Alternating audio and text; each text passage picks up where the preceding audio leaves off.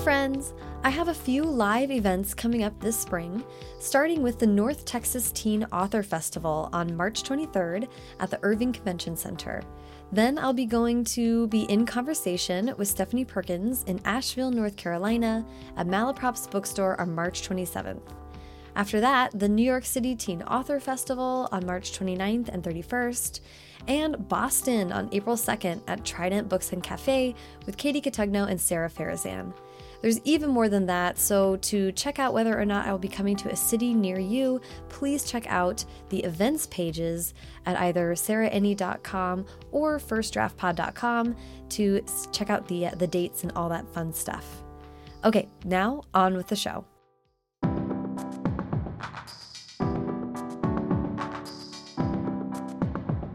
Welcome to First Draft with me, Sarah Enni. Today I'm talking to Lilliam Rivera, author of The Education of Margot Sanchez and her newest, Dealing in Dreams, out now. I loved what Lilliam had to say about writing a Latinx future, entering a room with hope, and getting to meet Supreme Court Justice Sonia Sotomayor. So please sit back, relax, and enjoy the conversation. All right. So, hi, Lilliam. How are you? I'm good. I'm good. I'm good. good. it was like a year ago or maybe more that we sat down. I, I might have been more. I think it might have oh been a little God. more, which is crazy, but we're back at your kitchen table. Yes. Thank you for having me over again. um, and just to let the listeners know, we have spoken before. So if you want to hear a little bit more about Lilliam's origin story and how she got into writing and a lot more about her first book, um, Education of Margot Sanchez, definitely go ahead and listen to that. Um, but we are going to kind of pick up where that left off. Okay. Um, we chatted kind of right before Margot came out. Mm -hmm.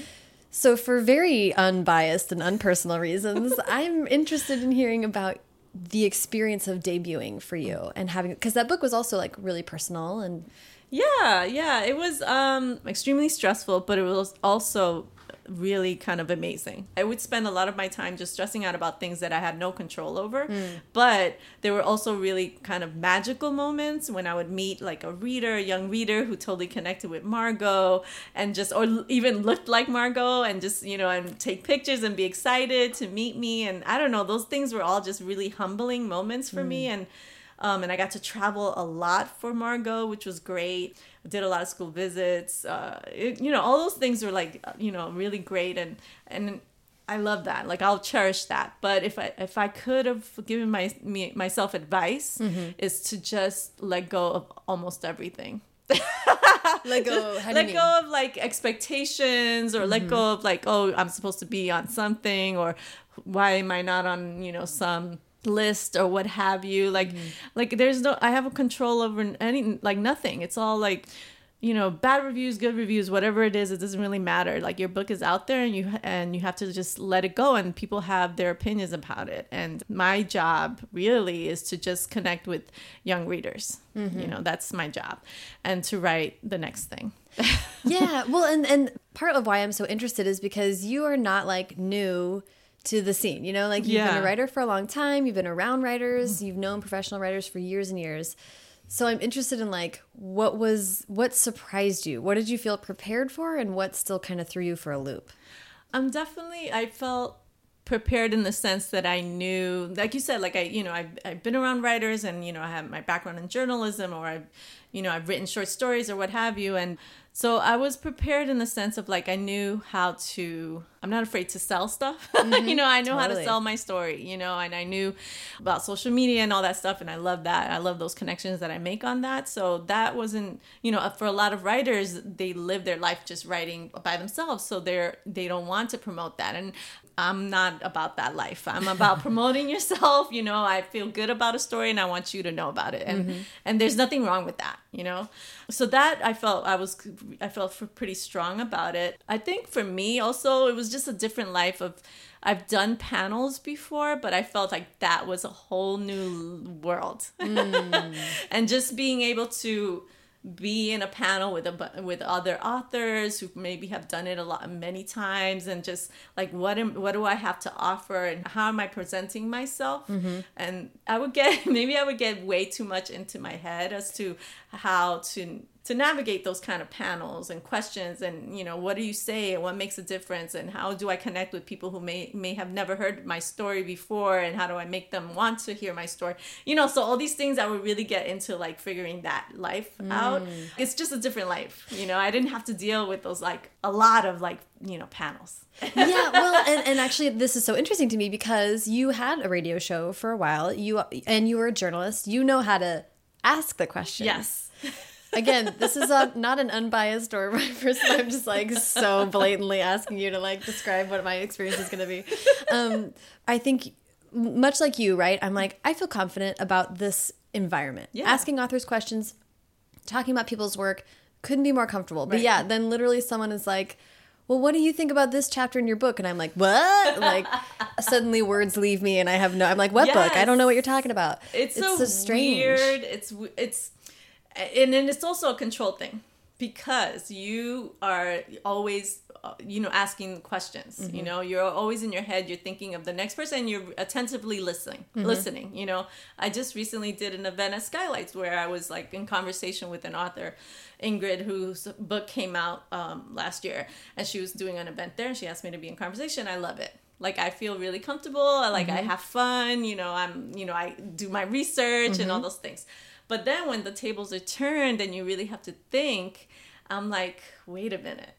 Like you really like to me I feel like I am I saying the right thing? Am I being too serious? Am I not being serious enough? You know, all mm-hmm. these things come into play and I'm like it is a control thing. Yeah. It definitely is a control, especially when you're in a panel cuz then in my head I'm like I'm not moderating. Right. So so I need to let let the person moderate. Not that I ever overstep anyone, but I'm just in my head. I'm I'm going crazy. Like yeah. I'm like, oh my god, I need to let me ask this question. like, yes. oh my gosh. Weird control thing. I'll tell you a story after about how I like kind of took over a panel from Amerie, and I was like, why do you think you can talk over? One of the greatest pop stars.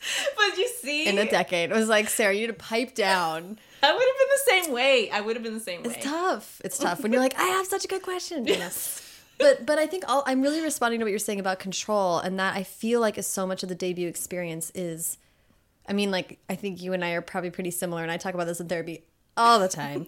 I'm just like I'm interested in finding the ways that I can feel in control. Mm. Like there are some of the like I can control my routine or I can mm -hmm. control what I tweet or whatever. Like you can you can set parameters so then you can feel a little bit reassured about some things, mm -hmm. but like the actively letting go of control of so many other things is really a process. Yeah, I mean, I feel like for sure and this is you know i know you're going to ask me more about my second book but mm -hmm. the comparison of like my first my debut year and how i'm feeling now like i'm not i am not as stressed as i was that first year like this year like i'm letting go of a lot of things because i know it's a good book and that I can only do what I can and I want people to find it and and I'll do what I can to make that happen. Mm-hmm. You know, and I have great people behind me who's helping me do that as well. Yeah, so good. but but there's an added thing about not knowing you know and i feel now that i sort of know or mm-hmm. i can or i can ask people right right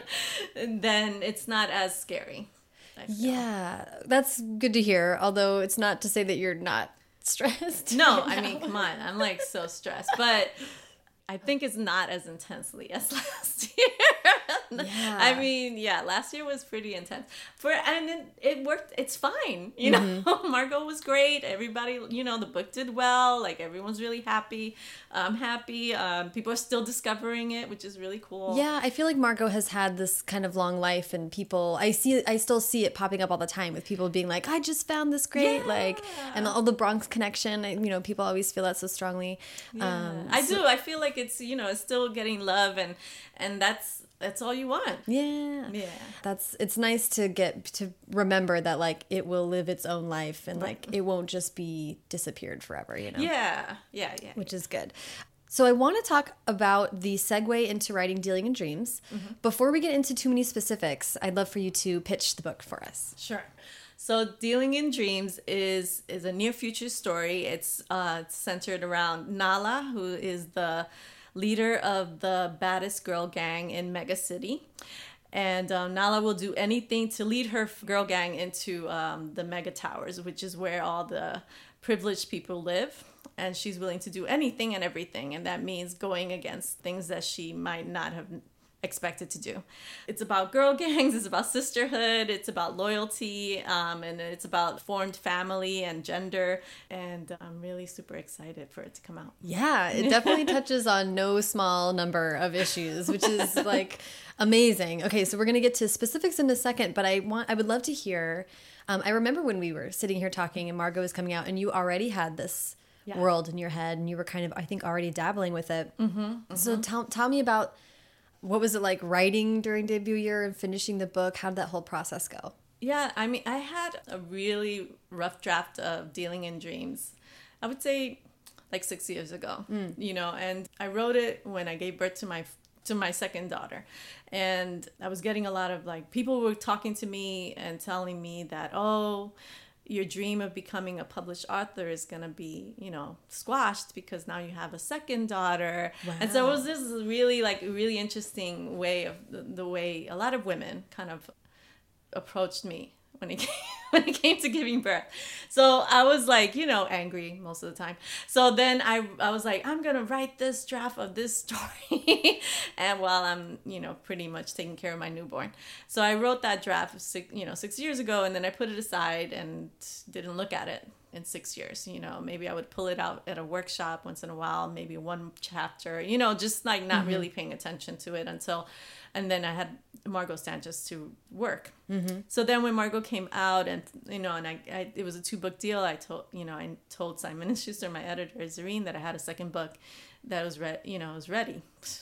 which is not true. But um, so then you know, and she she loved the premise, and then we we reworked it. So as I was traveling, because I traveled a lot from Margot Sanchez, I would re- I would work it. I would bring my laptop and I would work at hotels, and I would put the alarm, and I would wake up early, and and I would just you know, because there was a deadline and I wanted to meet that deadline. And we worked, we reworked it and we got really into what the book could be. Mm. So it was mm-hmm. great. Yeah. oh man, writing on the road is not a simple thing. No. I mean, I like it. Well, I like it because I do have a lot more privacy and mm. I don't have as many responsibilities as I do when I'm at home. Mm-hmm. So it's great. I do, you know, I know a lot of people who can't write when they're on the road, but I'm like, ooh, hotel. That's true. Room service and me and my laptop. I'm yeah. Like, I'm good. I'm like, ooh, Anderson Cooper. I can't keep myself from CNN in a hotel room. It's a problem. Um, what was it like revisiting something you wrote so long ago? Oh, it was it was good because I wasn't I didn't hate it. You know, like I was huge. like, oh, it's okay. I, you know, the story still has some legs in it. I really thought about that world, and although it was it was you know it's it's near future and it's a dystopian, so there's a lot of things in it that I made up. Mm-hmm. You know, and. Mm-hmm. um the, the ideas were already there. Mm-hmm. You know, I just had to really flesh out the bigger themes, the bigger social themes that I was trying to to write about, like this, you know, masculinity and and violence and and all these kind of incorporating those traits and what does that look like for a young girl. Um, and the desperation of finding a home. So all those mm. things I like I really needed to dig deeper and that was what what helped like for all of last year i was just digging deeper into those kind of questions yeah well it's so interesting to me that you're saying partly this book was a little bit written maybe out of spite for people saying you won't be able to focus on your own work when you have two daughters yes and that's so first of all that's wild not nice but it but it's also this book i think does deal so much in like that women can be some of the worst perpetrators of like the patriarchy, right? Yeah. Like we can reinforce the systems that keep us down mm -hmm. or mm-hmm. discouraged. Mm -hmm. And mm -hmm. that totally, like this book is all about like diving into that. So yeah, that the fact that that's the root of it makes sense to me. yeah, yeah. I mean, it was, you know, I understood what people were saying to me. But you know, and, and I've said this before is that, you know, rage and spite will will will propel you to write you know, mm-hmm. things. And for most of my writing life, I think I've written in spite of what people say. Mm-hmm. You know, love it, love it. And and let's talk about the the way that like femininity and masculinity are portrayed in this book because. I, I don't know if you coined this or if it was Bustle or whoever came up with this, or I forget where I read it, but uh, toxic femininity. Oh yeah, that's interesting. No, I didn't coin that, but that's a good one. Yeah, I should yeah. bring that. I should use that. Yeah, put that put that in your pocket. exactly. It's very much like these these girls, girl gangs, Chief Rocka, Nala. They're so fierce, they're so mm-hmm. assertive, but they are also like, and they and then women. It's a matriarchy in this mm-hmm. universe, but she is still assert. It's still like based on what we traditionally think about masculinity. Right. So it's still toxic. Yeah, it's like they're definitely incorporating. Although their leader, um, Diesa, is she really, you know, she believes that only women should have the voice, you know, have like the final say in what happens in that in that society, and and that sounds pretty um, pretty awesome, right? Uh, but they're kind of incorporating the things that probably made that the, the society before them have their downfall you know mm-hmm. they're incorporating like you know this violence and you know they have throwdowns and that's where the girl gangs and there's this hierarchy of who's you know who's the top you know gangs and there's training camps for these girls. So these girls are really taught at a young age that the only way that they could survive is by fighting each other. And then all the men are subser- you know are sub- subservient or they're working in bodegas or they're working in factories and and all the things that their their currency is really this kind of like drug called sueños that is made to kind of calm the masses right? To sedate the masses. So it's a disturbing kind of society right? Yeah. like it's a mask right? Mm-hmm. which yeah I, I wanted to write about that stuff. Well, I like that you because it reminded me of like uh, many of these like trailblazing female politicians, right, over the last 50 or so years have been asked to mask their femininity, mm, to mm-hmm. succeed in spite of being mm-hmm. a woman and to adopt a lot of the same strengths or weaknesses uh, or whatever like play by the same rule book. Mm-hmm. And i think now we're seeing a wave of politicians who are women saying like no i want to lead because i'm a woman because my experience is different. Like because i'm going to talk differently because i'm not the traditional person you might think of. And I, I thought this was a s- super smart book in saying like we do need to examine like just a matriarchy sounds great but because i think the ideal is that a matriarchy means we totally get rid of the old structures. Mm-hmm. But this was like women taking over and just reinstituting. Yes, like I don't I you know, I there was a lot of talk definitely when the women's march came about and and there was a lot of talk about, you know, cancel mm. cancel all men, you mm-hmm. know, and and I, I know and I and I got I get really nervous about this idea of cancellations mm-hmm. like I don't know what that looks like, you know. So I just imagined just taking that notion further of um, even women or women of color just incorporating what how power can you know it, there's always that saying how power corrupts. And so um, what do you use? You know you just start using all the same things that you think men are gonna that men have used before you know? And you sell it in a really you know pretty package. Right like sliding into the same privileges yeah that have always existed. Right. And it, it's like our turn at the top but it just means the same broken system is Yeah, and it's also like you know, I don't know if anyone has a solution, but I was really interested in just trying to to you know see Nala and the way she is navigating that mm-hmm. system, and and this idea of being hard. Mm. You know, like I, you know, I, I'm from the Bronx, so you you just assume everyone's hard. It's it is a hard life, you know, or maybe where I grew up, it was a hard life. But there, sometimes you're not given that chance of being both hard and soft. Mm-hmm. You know, like you have to just be hard all the time. And I, you know, I fall victim to that as well because you know I'll enter a room and I'm just like, what? Instead of entering a room with like okay, maybe. Mm-hmm, you know, it's mm-hmm. a different kind of a- way of entering a room. and I enter a room, I'm like on the defensive instead of like entering the room with hope. Interesting. Yeah. Well, and it made me think of the other day I was talking to a friend and she was saying uh, there was an interview recently with Nancy Pelosi's daughter, and Nancy Pelosi's daughter uh, apparently had a quote where she was like, "My mom like will." like basically cut your head off before you even know you're bleeding or like some some cool, like wild quote like that right Right, and this right. the, the my friend was saying only a woman understands how much of a compliment that is. That your mm-hmm. daughter would say that about you, and mm-hmm. just means it as in only a good thing, right? Right, right, right, right. That like this fierceness of being a woman is so we desire it in each other and for each other. I think, mm-hmm, and it made me think about this game. I mean, you do you deal so much with the complexities of it, but man.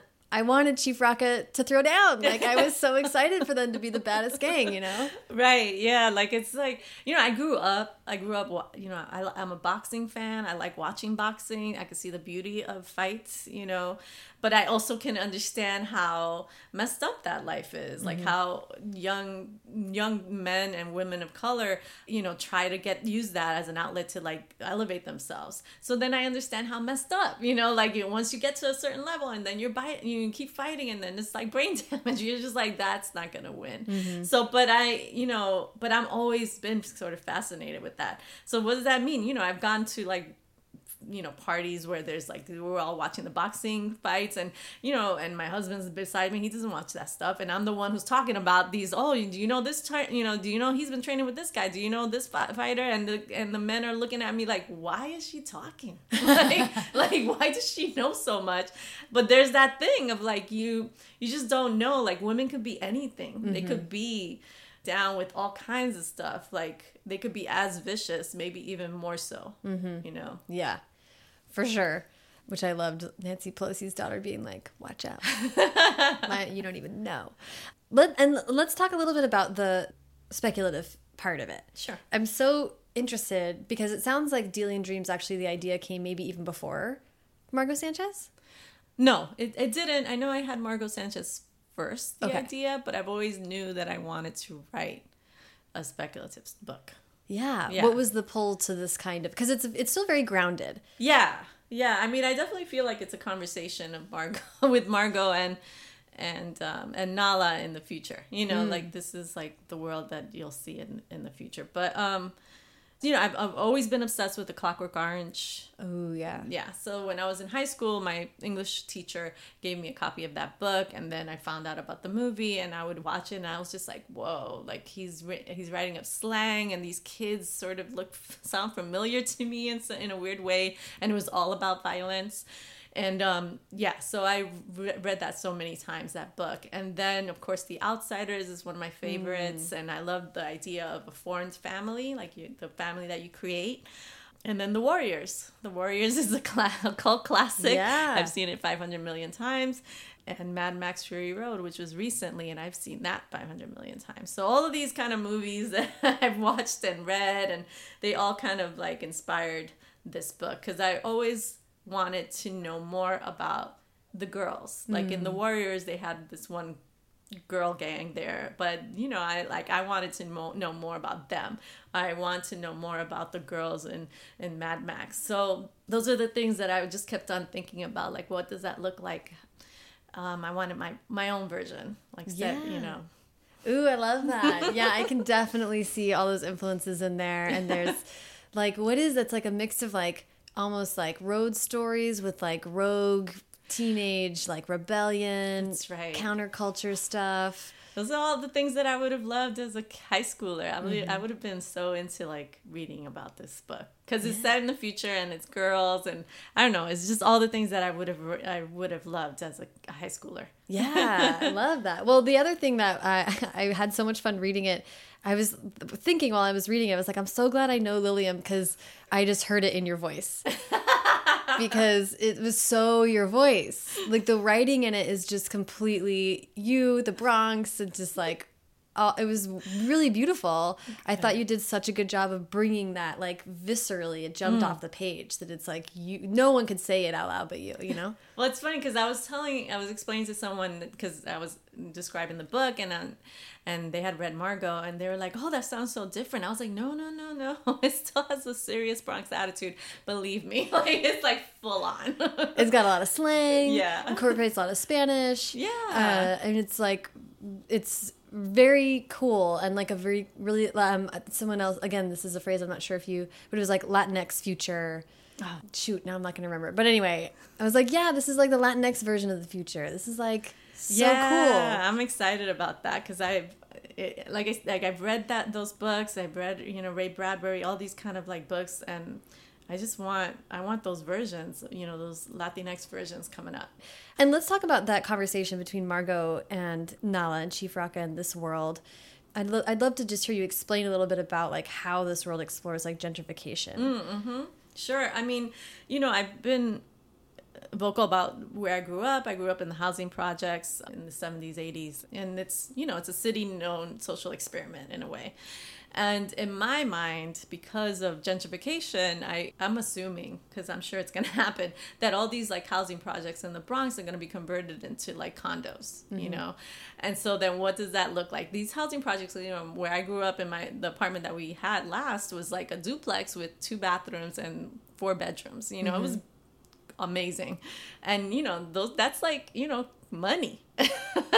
right. So I could see that in the future. Mm. And so when we think about the mega towers, um, the mega towers really are the housing projects projects that I grew up in, and the, how that's the only building that survived. Mm-hmm. You know, so that's how gentrification looks like to me.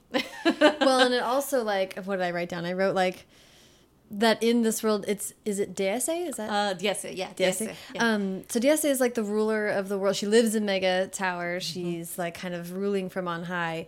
And I was just like thinking about the the world that you built and I was like, "Oh, it's a ruler who builds walls, creates an us versus them mentality, uh and presides over a world of like vast economic inequality." yes, sounds about right. Right. I was sounds like, so familiar. oh my god. Yeah.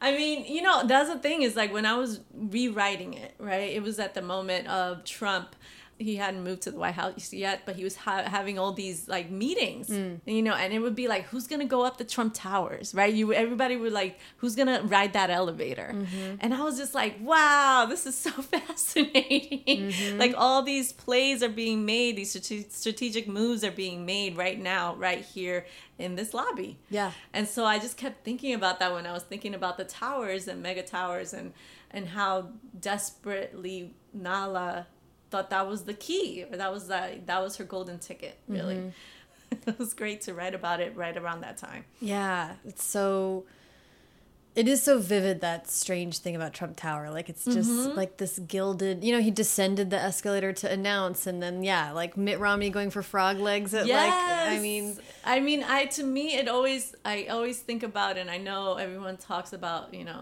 Kanye West, but there was this moment when Kanye West entered there, that the everything kind of shifted in a lot of ways because Kanye, you know, he's hip hop.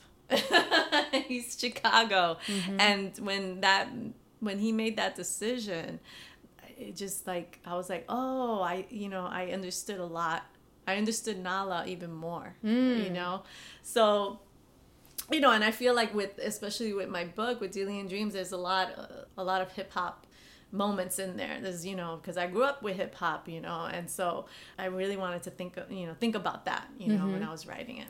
Yeah, well, it definitely shows there's like there's so much of like a built culture that's kind of like hinted at or explored a little bit. Like you can tell that there's a lot under the surface when you're reading the book, which is my favorite kind of world building. Yeah. I really dug that, and it was like very like recognizable to a kid now, right? But also like a very like moment in time for you, like building out a whole new space. Right. Yeah. I definitely I wanted that. Mm -hmm. You know, and for because hip hop also is really around music, like dealing in dreams is really about music and about salvation. Mm. You know, mm. through oh. that. So Ooh, that's so interesting. Yes.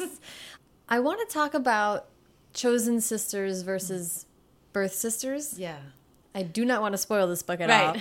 all. but I think we can say that she does have like when we start the book, Nala has like dreams about her sister. Yeah, she has dreams with Yamaris, who is um, who left her when she was young, mm -hmm. and so she has just you know this recurring dream that she thinks you know she has about her, but it's very fleeting but it plagues her like it's just something that she's just like she's missing you mm-hmm. know and I, there's this you know i have an older sister and you know i speak to her almost every day and we have we've had those kind of you know we've had like harsh we don't talk to each other and then we'll have you know but it's like passionate you know mm-hmm. like and um, she's the only person that i would tell most of my stuff to you know and then i also have friends who are like super close who i call them my sisters and who I would also just share the most intimate things with, mm-hmm. you know?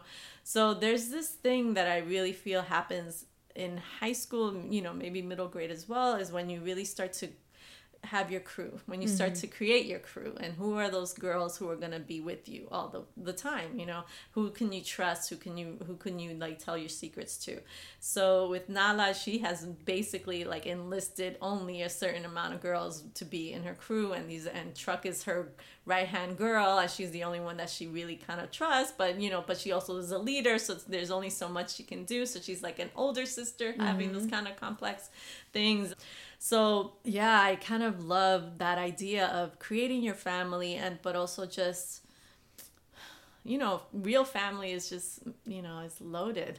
well, I was going to say that's like throughout the course of the book, Nala's gang really gets tested mm-hmm. and they they come to disagreements with each other to the degree that sometimes can only be overcome by having family. Right. You know what I mean? Right. Yeah. Yeah. Like I I mean, with Nala, because she's so she so desperately can only sees her goal, right? She so desperately wants to be at the tower. She thinks that's gonna solve all things. But she forgets, you know, she forgets that it's family. Mm-hmm. And that's that includes blood family and that includes like that includes blood family in a way that you have to rethink what that what that relationship looks like. Mm-hmm. And that includes also rethinking her current family. Yeah. Because she's not the mother of this family even though she thinks she is. Right. She is not. So she it's like that that moment of like what does sisterhood look like? What does friendship look like? And yeah, so Yeah, I was so struck by the moments in which like one of the members of the gang would be in a position to say like I can leave. Yeah. You know? Isn't that amazing? Yeah. And you're just like, they're like, no, actually. like, I have autonomy. And, you know, she's trying to be in control of these women, but they're like all, they're really unto themselves. Yes. Yeah. Yeah. That always, that kind of always surprised me. Cause then I'm just like, yeah, they're, they're not ones to sit down and just like, oh, I'm going to follow you all the way through. They're like, you're you're messed up. Mm-hmm. and yeah. that's what you want. You want a friend who's going to call you out on your stuff right? Yes. Yes. And and kind of treats you like a sister in that yeah. way because then you have to just believe that there's something deeper that's going to keep you together exactly. even when you're so far apart. Yeah exactly exactly. Yeah that was really like i thought that was like a really special way to explore like a very complicated dynamic. Can you explain the concept of the bodegas in the book Yes. this was this is so gonna be interesting. Fun. Okay, so um, you know, I because this is a society of female run society, men are have no say whatsoever. So bodegas are clubs where girl gangs are allowed to like hang out and you know you could get you know cool music there's cool music there's good food and you could also rent um, a papi chulo so for currency their currency is sueños. Um, so you could you know if depending who you are you get you have dibs you could get into a, the the right club and then you rent out a papi chulo and you get a massage and you know whatever else happens at uh, bodega. So you know and um, that idea came to me from a documentary. It was in japan and it's a club where girls, working girls, who need to speak to a guy and they could rent a boy. Wow! And it's like, and it's oh, I have to find out the name of the of the documentary. But yeah, I saw it many years ago and I was fascinated. And I mean, this is we covered this a lot with men. Like there I know that it's like pretty well covered that in Japan there are clubs where men can go in just to talk to a right. woman. It's just for conversation. It's just well, to like was, be heard. Yeah, so this was interesting because it was girls who were like, you know, they just they just want to sit down and talk to to a guy, and then I'm like, I was like, wow, this is amazing. Yes. so, so I was, yeah, I was totally was kept on thinking about that and knew I had to incorporate it somehow. Yeah. and it is just a play on bodega, right? Oh yeah. yeah. It's like there might be something else I'm not getting, but that's just funny. It's like, you know, and papi chulos, I mean, that's just kind of funny to me. oh, and there's like, yeah, the calendar. I don't know. That's yes. hilarious. Oh my god, that's right, the calendar of the bodegas. I mean, it was so funny. And it was also just like a well, listen, if this is true, then this is true, you know? Like, of course they'd have hot dudes hanging around. I mean, I don't know. I would like, I don't know. like I don't know. It's just it's that'll be interesting to see what people think of that. Yeah, it but was- it plays on this whole idea of like how we're gonna we're gonna incorporate all these kind of traits, or you know, and yeah, we'll see. Mm-hmm. Well, I think it was one of the most most uh, illustrative ways of saying like this is toxic femininity. This is actually like we are suppressing men. We're not giving them a voice. This is the only way that they have power. And you know, Nala has one guy in particular that she's fond of, and I also felt like I knew you a lot better because he's called Books. I know, gonna be so obvious? I was like, yep, that would be my my choice as well. I know. It was so good. it's really, yeah. I mean, it had to be Books, the guy who wears glasses and looks studious. Yes. and he had, I mean, it was a cool moment. Uh, He has moments where he expresses his, he's like, what do I have? You know, this is what I have to work for. Like, the, this is the only power I'm given, you know, and, to, and to have that moment of like, yeah, we're going to get to see it from his point of view too. Like, the society doesn't work for him. Right. Yeah, I love Books. Well, I mean, obviously because he's a papi chulo, but also because he, you know, that there's something going on. Nala's like she's not seeing it, you know, not at the at the beginning, but I feel like the readers are like, oh, there's something up. There's Something's something going, on. Yes, yes, for sure. And again, we're not going to spoil anything, so not going to spoil that. What else did you want to say about, in particular, about the book? Let me see. I mean, I you know, I really it was the first time I'm writing about spirituality in the book, which is really cool for me. Um, you know, of course, you know, I mentioned before that it's like I feel like it's really tied to music and ocean and water and, and nature and shedding that those what it means to be a, a, a girl, you know, in the future.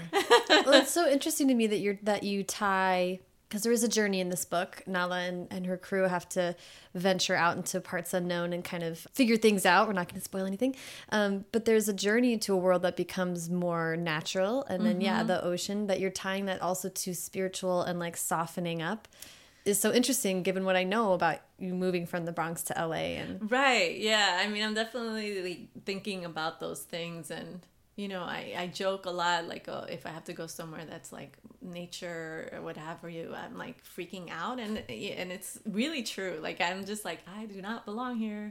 but you know, I I feel like there's something to say about you know um, everyone like i think always about puerto rico and there's something to say about like having this like capitalist these systems placed in and shedding all these things that are beautiful and, and natural and i don't know if anyone wins at the end so i'm trying to figure out what that looks like you know in the future even just for nala but even for myself Yeah. Oh, I, I really love that. I think that's a really listen. There's no shortage of stuff that you were dealing with this in this book. Was it ever overwhelming?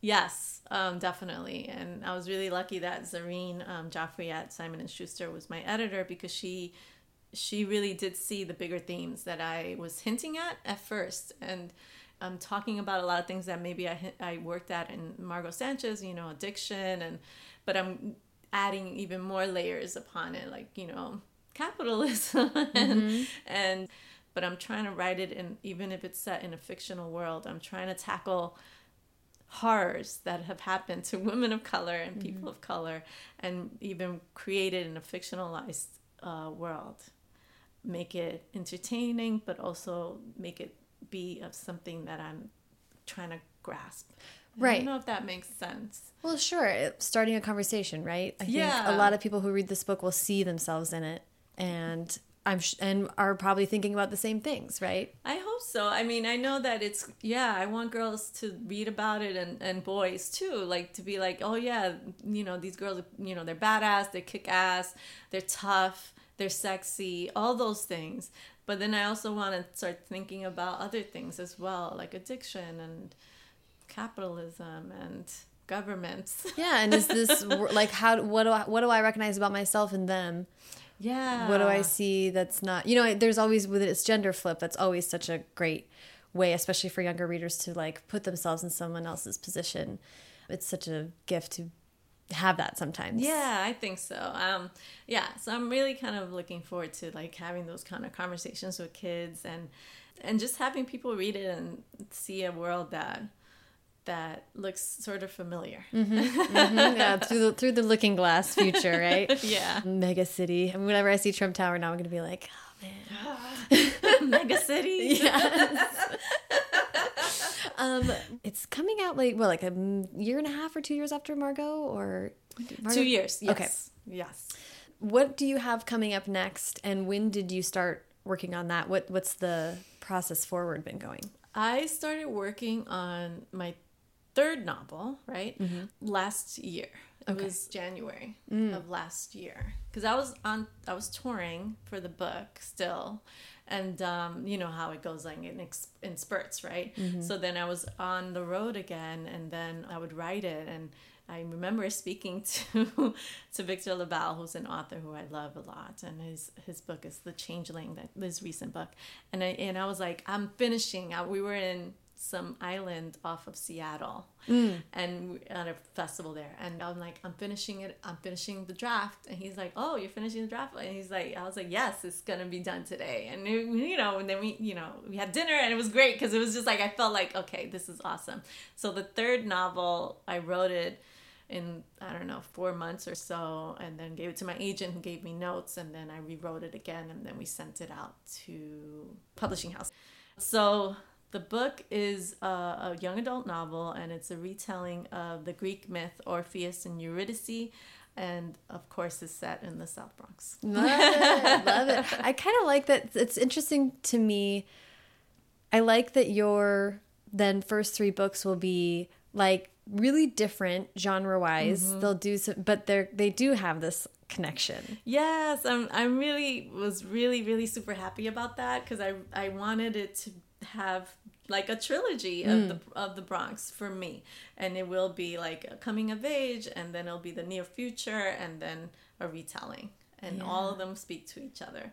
So I'm I'm really excited about that third novel. I think I you know, I think it'll be good. And also I think it's you know, it's about love and and I, I need some love. Like hmm. like I think we need love. So Yeah. Well, after nice. writing a book like Dealing in Dreams, it's tough, right? It goes into some deep and Yes. uncomfortable stuff. Yes, and it's not to say that the third novel will not do the same, because there's no doubt it will. Yeah. But I'm excited because it is it is at the core, and also dealing in dream is at the core. It's about love, you know. Mm. It's about connections. So I'm excited about the third novel, and hopefully I'll be able to make an announcement of where that baby landed Cool. soon. But yeah, I think people will be happy with Yay. with the journey of the Bronx journey. Yeah, yeah. The, taking them on. the brunch, the Bronx triptych kind Yeah. of setup. I have to ask you about getting to meet Justice Sonia Sotomayor. Oh yes. How did this happen? What was it like? Tell me everything. I was really lucky. I um I did a you know in conversation with um with my friend um, Pablo Cartaya, who's a middle grade author, and he was gonna be having an event at Roman, Vroman's in Pasadena, and you know I did the event. You know it was fun, great, and we had a great time. And then I got a an email just like three days later. Hey, would you be interested in um, being in conversation with Justice Sonia Sotomayor? And I was like, oh my God, I almost died. I think I was What an email. traveling. I was like in North Carolina. No, I was in Atlanta when I got that call, and I was just like, oh my God, yes. Yeah. yes. Like, there's no question I would do it. And it was great. And I remember I went to New York to tell my parents, because my parents, of course, know who she is. And I told them, and I was like super excited. And they were just like, of course, you know, you're from the Bronx, she's from the Bronx. Like, you would you have a conversation with her. Oh my like, god, I love this that. happen every day. like, what are you talking about? But they were just like, you know, yeah.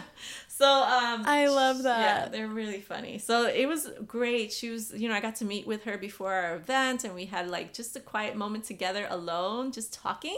Oh my gosh. And we were both like we were both speaking in Spanish and English and like, oh, you lived in that project. Oh, I lived in this project. Oh, and and I don't know. I gave her a copy of my book. cool. and we had a great conversation. It was so much. I I can't tell you. Like it was very surreal. I've never seen anything like it. Like hundreds of people standing and clapping Yeah. for her. Like I was just like my knees almost buckled when I went on stage because then it was the. I don't usually get nervous about these conversations. It's it's work in a way. Like I'm mm-hmm. like, okay, I could do this. But then mm-hmm. when that moment when we walked on stage, I was like, oh, this is happening. it felt very surreal. That's not your typical book event. No, and then I think I had said something like, "Oh, are there any Puerto Ricans here?" You know, just to start it off, and people, you know, like, "Yeah." And then this one guy, I almost died because I almost started crying. He started making the sound of the coqui, which is the like the the frog that's only really lives in Puerto Rico, and it has a very distinct noise. It's a coqui, coqui, like that, so you would know. Yeah. And um, when someone started to make that noise, and I almost freaked out. Like it was just like a moment. Like it was so surreal because it was just like here I am sitting with her. She's from the Bronx. She came from the projects, you know, and I'm the one who's getting to speak to her. Like what a blessing that is. So I just have to say that was the most memorable, surreal moment of my life. And it's also, I mean, it was so cool. All of a sudden, there's a picture of you and Sonia Sotomayor on your like Instagram. I was like, what? I know. What is Lilliam I up know. I to? was this is what I did last night. I also, I think out. it's also very cool to like, uh, be like we all get random emails like that. You know what I mean? Like it's so Yes. funny that you weren't like gunning for it. It was just like, yeah, someone was like, yeah, we need a Bronx author to Yeah.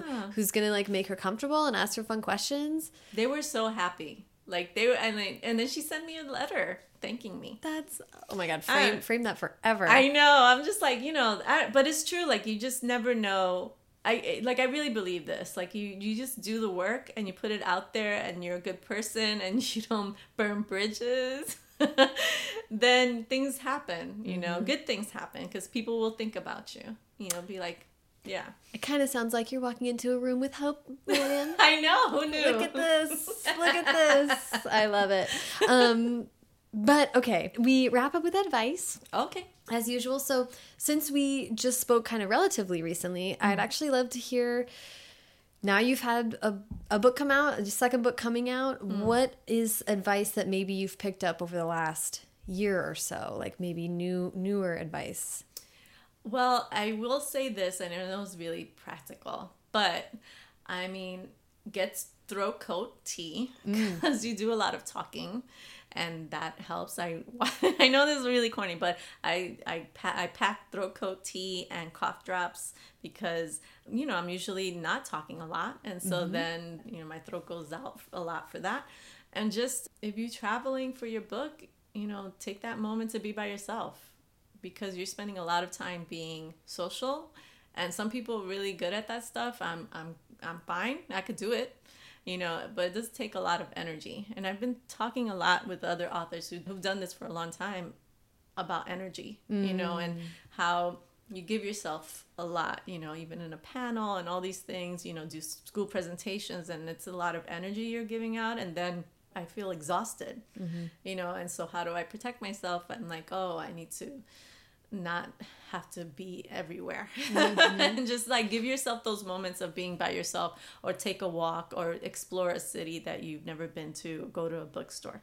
You know like these are mm-hmm. things that you just need to like remind yourself that you don't have to do everything that you can say no for certain things.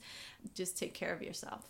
Yeah, that's such good advice. I, I I mm-hmm. did the um part of a tour with Veronica Roth, right? So it was like amazing and so fun and then we had buddies since we were there together, so that helped a mm-hmm, lot. Mm-hmm. But I came home after and was a total wreck. Like for a solid week I was like I don't know what's going on. Like I had a really hard time getting my feet back under me and it was like this sort of um, people talk about it with actors like especially theater mm, after mm. you come off stage you're so you're Yes. vibrating on this level. And then you know and it's hard to be like okay don't just go like drink yourself into a stupor or like you know you have they're hyperactive. So find the, a good way to like walk yourself down like get sleep exercise like find a way that you can physically come back to mm-hmm. yourself in some really mm-hmm. important ways. No, that's so true. Like I really have been talking a lot about that to other authors. You know, I spoke to Meg Medina, who mm. won recently, and I got to hang out with her in Texas. And I was just like, you know, and you know, Matt de la Peña, who's been around for doing it a while, and I'm just like, you know, how do you guys do it?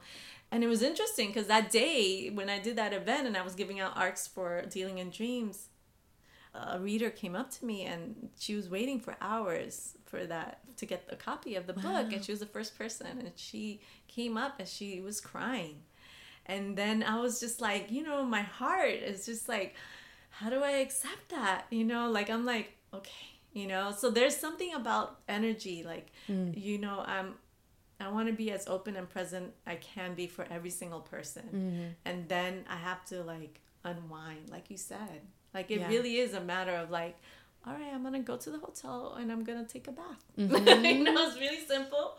I'm just gonna watch Law and Order. Yes, honestly, like whatever decompression mm-hmm. works for you, right? That's like keeps you safe and happy and healthy. Law and Order is like the ideal way. I mean, Jerry Orbach, please. I mean, come on. That's all I, I, I. As soon as I find the marathon, I'm like, I'm done. Okay, we're good. We're gonna be okay. Yes. I mean, it's just that. It's just that, and just writing. Like you have to. I know people always say you got to write the next thing, and it's just like sometimes you just got to write whatever it is, and mm. that that could just be me journaling how I feel. Mm. Yeah. it's all work. Like I feel all of it feeds it late my fiction later. So, yeah. So that's a really good point to keep in mind. I think sometimes when we use writing for our career, we forget how it started, which is just to help ourselves. Yeah, yeah. Like I, you know, every little drama that happens in my life, I'm like, oh, I'm gonna write about this. Like, mm -hmm. like in my head, I'm already composing the paragraphs, mm -hmm. but it's my way of dealing with things. Mm -hmm. You mm-hmm. know. Yeah. For sure. Well, I love having practical advice, so that's awesome. Thank you so much, Liam. And this was so fun. Thanks thank for sitting you. down. Oh, thank you.